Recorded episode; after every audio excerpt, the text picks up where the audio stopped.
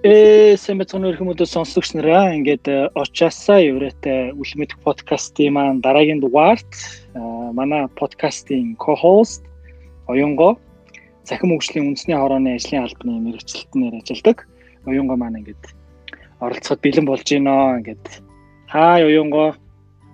Сэмбэцэнөө бүгдэнд нь энэ өдрийн мэндийг хүргэе. Одоо ингээд co-host-ээс одоо оролцож байгаа байна. За өнөөдрийн дугаар бол одоо маш сонирхолтой дугаар байгаа. Яагаад тэгэхээр нөө нэг дэрэгт гэрдний чинь ингээд анзаарахгүй гэдэг шиг. Тэгээд оюунгоогоо өнөөдрийн дугаартаа бас оруулаад яг ажил мэргэжлийн талаар бас яг юу хийдэг талаар ингээд буу халнаа гэж хэн санах уу? Тэгэхээр аа ер нь анх яаж мэрэгжлээ ер нь сонгосон юм бэ? Тэгээд хэн нөлөөлөв? Ер нь юу нөлөөлж байна? Аа яг сургуулаа төгсгөөд нэг 10 жилдээ төгсчөөд мэрэгчлээ бол би яг сонгоогүйсэн тухайд айгүй олон оны мэрэгжил донд ингээл төрөлдөө дэмж зүгээр юм уу тэрч зүгээр юм уу гэд. Тэгээ байж аа би агч хоёроосоо зөвлөгөө авсан. Аа яг одоо ямар мэрэгжлийн сургууль зүгээр вэ гэд. Тэгээд манай ах болохоор тухайд чинь Mobicom тий Mobicom байсан оператор Skytel Mobicom хоёр Тэг яг энэ харилцаа холбооны нүүрэн операторууд нэлээд хурдтай хөгжижсэн үйл дээ. Тэгээ манай ах чи яг харилцаа холбооны менежмент гэдэг энэ чиглэлээр харилцуул илүү зүгээр юм шүү. Дээрээс нь чи эмхтэн яг нэг гоё менежментээр дээрээс нь яг энэ харилцаа холбооны салбарт гэхээр энэ аюу шинэлэг мэрэгчлээ нүүрээ болж их зүгээр юм болоо гэх тэгээ сонгож исэн. Бас дээрээс нь би өөрөө нэг багасаа а арт нэг аавч гар утсаа авч хөгж ангуутлаа гар утсаараа байнга оролдог settings руу ороод торгойг нь янз бүр болгоод тий тиймэрхүү юм дөөрөө багасаа тийм туртайсан болох төр тэгээд нэртэй сонгож суралцсан байгаа. Аа би болохоор өмнө нөгөө нэг оюунгуутай анх ингээд танилцж байгаа талаар би яагаад ч нөгөө нэг хөрөнгө оруулалт одоо санхүүгийн чиглэлтэй шинжээч мэнжээ чиглэлтэй төгссөн хүн байна гэж харж ирсэн байхгүй. Тэгсэн чинь ингээд шал ондоо мэрэгчлээ хүн байсан байж тээ. Яагаад тэгж бодсныг бүү мэдгэн. Харин тийм үү. Ааха. За тэгвэл ер нь одоо мэрэгчлэрээ ингээд яг ажиллахад те ер нь ямар мэдрэмж төрдөг вэ? Мэдээж маш сайхан байдаг л та. Айгуу тийм байнгын л тийм мотивацтай ч юм уу гоё инспайрд тийм боёдаг яагаад гэх юм бол өөрөө яг нэг дуртай мэрэгчлэрээ сураад төгсөөд тэгээд яг тагтаамаа хийж байгаа болохоор мэдээж маш сайхан байл. Магадгүй одоо яг нөгөө нэг яг дөнгөж нөгөө төгсгөөсөө өмнө ч гэдэг юм уу. Ер нь хизээ яг ингээд одоо за би нэг иймэрхүү ажилд орондоо яг энэ чиглэлээрээ энд л дадлага хийж яагаад энд л яг нөгөө нэг ажиллавал гэж ер нь төлөвлөж исэн үү? Эсвэл ер нь төгснөөхөө дараа одоо нэрээ яах вүлээ? Би ч яг энэ чиглэлээр ажиллах хэрэгтэй байлуу гэж исэн үү? Яг би нэг оюутан байх үедээ би Mobicom-д ажилласан. Тэгээд тухайн үед болохоор брэнд нэг Mobicom-д ажилласан би бас мөрөдөөс ахгүй юу. Ингээ яг сурж байхдаа анх мэржлээ сонгохдоо хүртэл ингээл Mobicom-ыг харуул за энэ инжээлстэй аюу мундаг мундаг залуучууд ажилладаг. Энэ өстой гоё түүчилэгч юм гоё компани юм гээд тэгээд оюутан байхдаа Mobicom-д ажиллаж агаад сургуулаа төгсөөд Mobicom ажиллах гад. Гэтэ би яг CV-г өөг үлдээ. Гэхдээ ягаад чинь яг нэг тийм бас бод завшаан ч юм уу бас гарч ирээгүй юм шиг байгаа. Тэгээ би сургуулаа төгсчөөд гадагшаага сурах гад аа хөөцөлж ирсэн. Тэгээ бэжэд яг нэг гадагшаа авах юм маань жоохон хойш төдөөд тэ Монголд ажиллахаар болоод а нийслэлийн үйлдвэрлэлийн инновацийн газар гэдэг дөнгөж шинээр байгуулагдж байгаа аа юм нийслэлийн засаг дарганы хэрэгжүүлэгч агентлаг гэдэг шинэ байгууллага байгуулагдсан нэг сонсоо тийшээгээ CV өгсөн чинь тэгээд тийшээгээ би ажилтнад орчихсон. Аа 10 16 онд хаа тийм. Тэгээд аа тэнцээ болохоор бас нэг төрийн байгууллагад ажиллах өөрөө сонирхолтой байсан угаасаа намайг нэг дийлэнх тиймэрхүү хүмүүсийн хандлага ч юм уу тий байдаг шүү дээ. Төрөнд байгууллагад ажилладаг хүмүүс яагаад тийм хойр бэ ч юм уу эсвэл нэг юм ус хүн болгоны тийм бодол өгдөө шүү дээ. Тэр бодлыг нь тэр нэг жоохон яхаа өөрчлөхийг хүссэн гэх юм уу? Бас залуу хүмүүс ажилтдаг ажлыг стандарыг ялцуулдаг тийм л бас болохыг хүссэн байх л та. Тиймэрхүү хандлагыг бий болох гэж. Тэгээд яг тэр газар маань гэсэн бүр яг айгу тийм нээлттэй бүгд манай хамт ажилласан хүмүүс маань бүгдээрээ залуулаг бүгдээрээ амар тийм шинийг санааж л хэрэглэгч аюу тийм ирч хүчтэй цоглон хүмүүс байсан. Тийм. А сонгосон мэрэгчлэрээ ерөнхийдөө ингээд яг ажиллах үед те яг ийм ийм ийм ийм ийм ур чадрууд гэвэл яг ямар ур чадруудыг ер нь яг шаардах вэ? А одоо 2 1 2 3 ч гэдэг юм уу хэд ч байдیں۔ те. Яг ийм ур чадрууд шаарднаа гэвэл юу ямар ур чадруудыг нэрлэх вэ? За нэгдүгээр толхолоор а байнгын суралцагч байх ёстой. Тийм. Яг гэх юм бол а технологийн салбарт ажиллаж байгаа хүний хувьд технологи сүүлийн үед жилүүдэд маш хурдтай үрж байгаа шинэ технологиуд гарч ирж байна. Тийм болохоор байнгын суралцагч байх ёстой, байнгын мэдэн уншдагтэй а тийм артикл уншдаг байх хэрэгтэй. Хоёрдугаарт а судалгаатын шинжилгээ их За энэ байнгын сурвалжлагч судалгаа шинжилгээ их хоёр бол нэг л ойлголттой. Бас одоо ямарваа нэгэн зүйлийг нэг артиклийг уншаад өнгөрөхгүй а хэрвээ сонирхолтой хаан бол бүр гүнзгийрүүлж а судлах шаардлагатай. Одоо яагаад энийг хичвч юм уу те? За хоёрдугаарт уян хатан байх болон буюу одоо тасан зохицох чадвартай байх хэвээр. Угаасаа нэг технологийн салбарт бас ажиллаж байгаа учраас аа тийм тасан зохицох ямар нэгэн шинэ зүйлийг хурдан хүлээж аваад тэрэндээ тасан зохицож ажиллах чадвартай байх хэрэгтэй. Тэгэд мөн түнчлэн аа ямарваа нэг альва шийдвэр гаргахдаа датан дээр суурил шийдвэр гаргах гаргадаг байх. Өөртөө түнээс ш нэг хүний үгээр а энэ ийм болохоор за тэгсэн байна ч юм уу тийм биш өөрөө тэргээ судалцаад Тэг ямар нэгэн дата цуглуулж агаад тэгээд шийдвэр гаргадаг. Аа за энэ болохоор энэ гурав болохоор ерөнхийдөө soft skill тэгээд technical skills бас байх шаардлагатай. Тэр нь болохоор наад зах нь Microsoft Office-ийн програм дээр асуудалгүй ажилладаг байх хэвээр. Мөн түнчлэн шинэ одоо чихэн одоо техникийн ямар ямар аппликейшнуд гарч ирж байна. Тэрэн дээр бас өөрийгөө сориод бас суралцдаг байх шаардлагатай мэрэгчлэрээ ер нь ажиллаж байхад тулгардаг байсан түгээмэл бэрхшээл гэвэл ер нь юу байсан бэ? Тэгээ тэр бэрхшээлүүдээс ер нь яг юуг суралцсан бэ?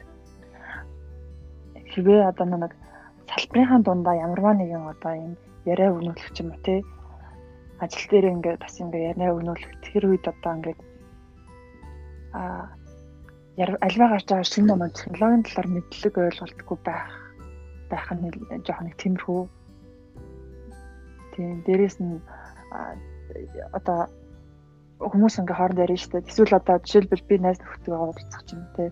Тэр нэг албаны шугамар хүмүүс юм асуухад нэг технологийн талаар юм асуух. Дан чи технологийн салбарт ажилладаг юм чинь нэг юм мэдэл тараа гэдэг юм асуунгот тэрний талаар ойлголт мэдлэхгүй байх юм бол амар тэмчмээр тийм болохоор байнгын л ерөн суралцах хэрэгтэй юм байна. Байнгын л мэдээ уншиж явах хэрэгтэй юм байна гэсэн тийм юм бүр суудсан гэх юм уу?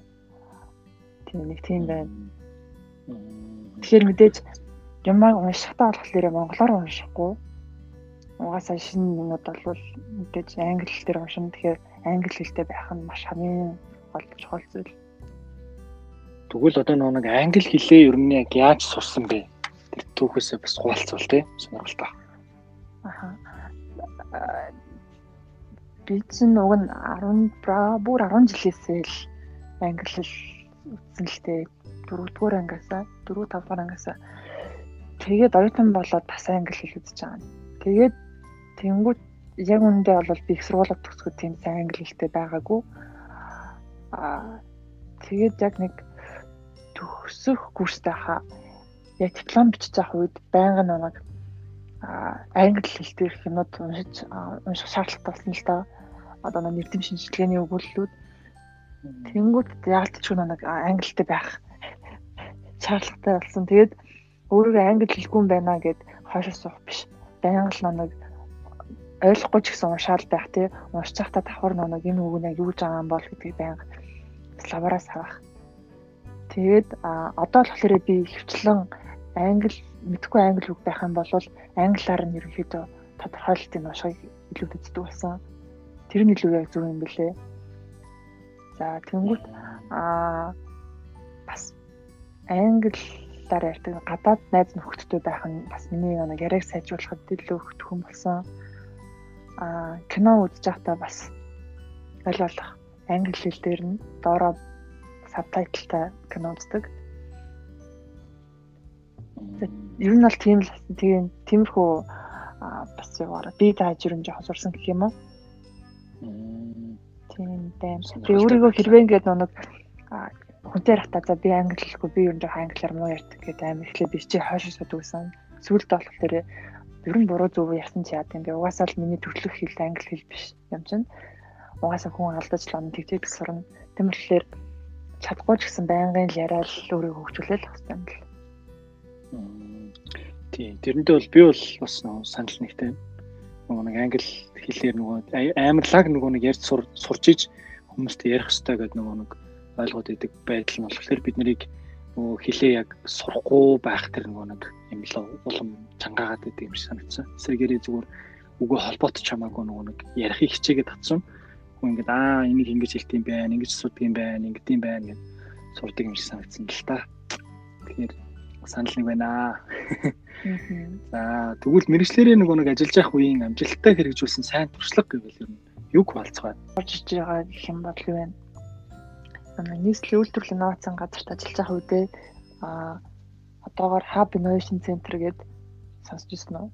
Аа. Тийм. Тэрний төсөл дээр нь ажиллаж ирсэн юм байна. А тэр төслийн хувьд болохоор миний хувьд маш том тохиолдож байна. Ажлын туршлагын их байхгүй. Яг анхны л тийм том төсөл байсан л та. Тэгээд а богино хугацаанд маш бага өртөг зардлаар тэгээд маш цөөхөн одоо нэг бодловсон хүч хүчнтэйгээр тийм том төслийн ард гарсан байхгүй тэр л сайн туршлага юм байна да. Тэгээ хамгийн гол нь тэрийг хийхэд яаж амжилттай бовн хугацаанд хийсэн бэ гэхээр биеиндээ бүгдээрээ ингээд багууд хоорондоо биеинд итгэдэг байсан. Тэгээд маш сайн чиглүүлэгч байсан өдөртөгч маань байсан. Тийм тэгэл тэр төслийн авд гарсан юм байна. Түүнээс яг одоогийн байдлаар би ганцаараа нэг гоё хийсэн сайн туршлага гэд хаар юм байхгүй юм байна. Бас л нөгөө нэг сонирхолтой төсөл дээр ажиллаж байсан ба шүү дээ. Тийм. Зя. Тэгвэл одоо карьер гэдгийг ер нь юу гэж ойлгодог вэ? Одоо түгээмэл нэг ойлголт байдаг тий. Тэгэхээр тэр ойлголтын талаар ер нь бас санал нэгддэг үү? Эсвэл ер нь карьер гэж юм юм гээд арай өөрөөр боддог уу? Мөн төлөвлөдөг үү? Төлөвлөдөг бол одоо хэдэн жилээр төлөвлөдөг вэ? Ер нь бол карьер гэдэг нэг юм хийж байгаа ажил мэргэжилтэй холбогдох байх. Түүнээс нэг өсөж тэгжтэй намайг албан тушаалтай биш. Хийж байгаа ажилтай л ажил мэргэжилтэй холбоотой л гэж би ойлгож байна л да. Ерөнхийдөө болохоор карьераа төлөвлөдөг тийм төлөвлөхдөө би ихэнх хүмүүс 5 жилээр төлөвлөлт юм бэлээ. Аа би магадгүй 2 2-оос 3 жилийн хугацаанд л төлөвлөдөг. Тий. Тийм байна да. За тэгвэл түрхэн зур нэг асуулт асууж жоохон хазаагаад за саяхан бас нэг хэсэг манай ко-хост маань амарсан байгаа. Тэгэхээр амралтынхаа сони ачнаас хуваалцаач. Наад нь 9 хоног амарлаа. Айгуу сайхан амгад ирсэн. А увс руу явсан байгаа. Увсын хязгаас нуур очиж үзсэн. Оо тэр одоо хязгаас нуур байсан зург уу? Тийм. Тийм. Сошиал энэ профайл дээр гурван. Гоё Тийм аюу гой газар итлээ. Ер нь бол очиод үзэх газруудын нэг юм бэлээ заавал очиж үзэх. Нуурлон орчиж болдог. Араа цэвэрлж болдог. Сэлж чаддаг юм тийм? Би яг вэ чадахгүй гэх цаашаа ер нь бол юм шиг үлээ. Гэтэ ер нь жоохон баснаас амар айдаг л та. Тийм. Би ч нэг муу бассейн сэлдэг байсан болохоор нэг гүйхийн хэсэг талэр нь байгу сэл сэлч гэдэг юм аа. Тэр гүм үстэй бас жоохон айцтай л байгаа. Айц хүзээ. Тийм. Угаасаа бассейн сэлэх тэгж нуур муран сэлэх бол шал өөр өөр юм билээ. Аа за ер нь нөгөө нэг ажиллаа. Ажлын гараагаа хаанаас эхэлж иваа тэр бас түүхээсээ хуваалцвал сонирхолтой байх тий. За тэгээд би аль руу хэлсэн чил 10 2016 онд нийслэлийн үйлдвэрлэл инновацийн газарт а ажилд орсон. Дотоод ажил хариуцсан мэрэгчлэн гэдэг. Тэгээд түн тэр позишн дээр чинь жил болсон уу юу.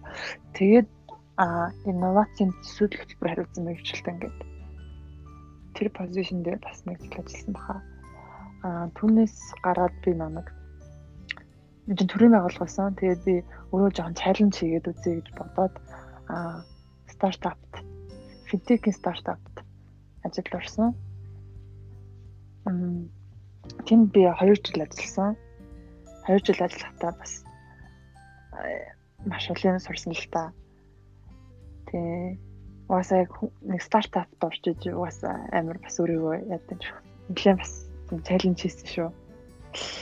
За тэгээд а сая өмнөгчүүд болохоор би тэгээд а цаг мөртөө үндэсний орооны арчлалны мөрчлөнээр а ажиллагаа энэ болохоор бас төрийн байгууллага гэж явдаг. Тийм да. За магадгүй нэг а финтек компанид ажиллаж исэн гэхээр би одоо болохоор ер нь бол амар тренд болоод байгаа зүйл бол cryptocurrency болоод шүү дээ. Тэгээд давхар coin mine гэл одоо бүх юм болоод шүү дээ. Манайх ч бүр coin hub гэдэг платформ Shopee хийчлээ. Тэгээд тэн дээр нь хүмүүс coin hub-ын coin-ыг авчлаа. Тэгээ бүх юм болж шүү дээ. Тэгээ бүр ноглох шиг шиг тарахаар болчлоо шүү дээ. Тэгэхээр ингээд Аа өөрийн чинь хувьд яг энэ чиглэлээр ажиллаж исэн хүний хувьд бол ер нь энэ цаашаа хэр удаан ер нь ингээд бүүн болж явна гэж ер нь харж байна.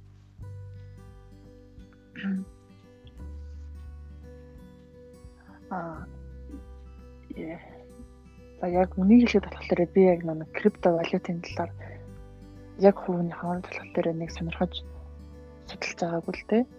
Харин нэг криптовалютын нэг суурь технологи гэж байгаа. Блокчейн технологи гэдэг.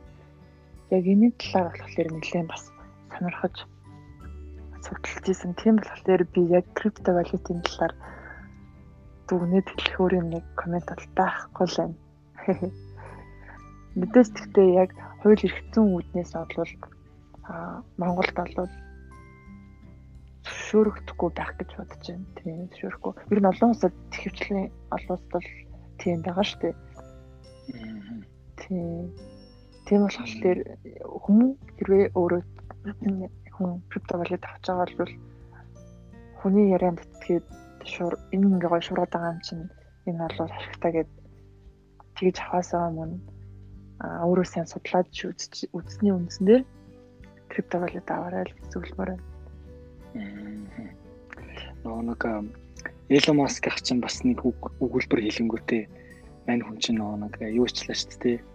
Аа койнуудын хувийг бас тодорхой хэмжээгээр өсөвчлөө гэж яригдж байгаа шүү дээ. Тэгсэн чинь тэр нөгөө нэг өгүүлбэр нь ямар өгүүлбэр гэсэн чинь би coin авчаад хизээж буцаад зардаг уу гэд хэл. Хүмүүс нөгөө нэг тодорхой хэмжээгээр нөгөө coin-ы биткойн нөгөө этериум өдр чинь амар өссөн гэж байгаа байхгүй. Тэгэнгүүт гарууд яг Elon Musk-ыг дагдаг нөхдүүд жишээлбэл юу гэж харж байгаа гэхээр за Elon Musk байр хэмжээ найдвартай гэдэг авч ийн гэж байгаа байхгүй. Тэгэхээр бас яг санал нэгтэй байд маш сайн судалж агаад тэгээд нөө сэтгэл хөдлөлөөр аливаа зүйл бас битгий нөгөө нэг хандараа ялангуяа санхүү дээр хизээч нөгөө сэтгэл хөдлөлөөр хандаж болохгүй зүйл байдаг шүү гэдгийг бас сануулмаар байна. Аа ер нь одоо жишээлбэл нөгөө нэг яг энэ Баянгогийн чиглэлээр яг сурах гэж байгаа залуучуудад ер нь яг ийм имийг ер нь анхаарч зүгээр юм блэ сурж ахтаач гэдэг юм уу те эсвэл дөнгөж нөгөө нэг төгсөнгүүтээ гэдэг ч юм уу тийм одоо нөгөө нэг залуучуудад өгөх зөвлөгөө байвал хуваалцаач. Аа. Ер нь тийм байнгын тийм суралцж байх тэр хандлагыг өөртөө төлөвшүүлэх хэрэгтэй юм билэ. Одоо нэг лекцэнд суугаад ч юм уу те нэг одоо хичээлийнхаа нэг семинарт суугаад багшаас одоо тэр тухайн одоо мэдлэгийг олж авахаас гадна гэртээ хараад давхар бас тэр талаараа гүнзгийрүүлж бас судалдаг байх шаардлагатай юм билээ. Одоо нэг нэг ойлголтын талаар багш болвол нэг лекцэн дээр 30% нь л нэг тийм ойлголт өгнө өөрт чинь. Тийм болохоор үлдсэн талааг нь болохоор чи одоо өөрөө сурах хэрэгтэй. Яагаад гэх юм бол чамд одоо тэр боломж нь 100% байна. Интернет руу ороод а бүх зүйлийг харж мэдэж уншиж авах. Тийм гоё боломжтой цаг үед бид нар амьдарч байна. Тийм болохоор а мэдээж тэгэхэд англи хэл бол бүр зайлшгүй байх шаардлагатай зүйл. Тийм. Тэгээ англи хэл дээр болж өгвөл гадны юмнуудыг маш сайн уншиж байгаарай гэж зөвлөмөр юм даа. Окей. За сайн дурын ажлыг ер нь юу гэж боддог вэ? Сайн дурын ажил хийдэг үү? Хийдэг бол яагаад ер нь сайн дурын ажил хийх ёстой юм бэ?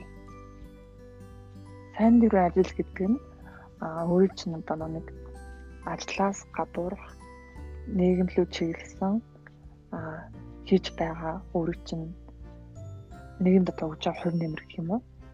Тэр үднээс нь бий болгодог аа сайн дурын ажил би хийдэг Оскар тав зүгээр аттракт клубтэй байдаг. Гэрээс гараад явхад хүрээлэн бохчин тулгамж байгаа маш олон асуудал байгаа байхгүй юу? Аа жишээлбэл тий хогийн сав амар бага шүү дээ. Жишээлбэл тий хогоо хогийн савнд хийх хэрэгтэй гэдэг мөртлөө за яг хогоо яах гэж тиймгүүт би баг хогоо бариад баг хэдэн зуун метр алхах гэж хогийн сав яагаад хогийн савнд нэгдүүл хэрэгтэй байна тий. Гэх мэтчлээ амар олон асуудал байна. Тэгээ дээрэс нь боловсрол руу чиглэсэн аюул олон асуудлууд байна.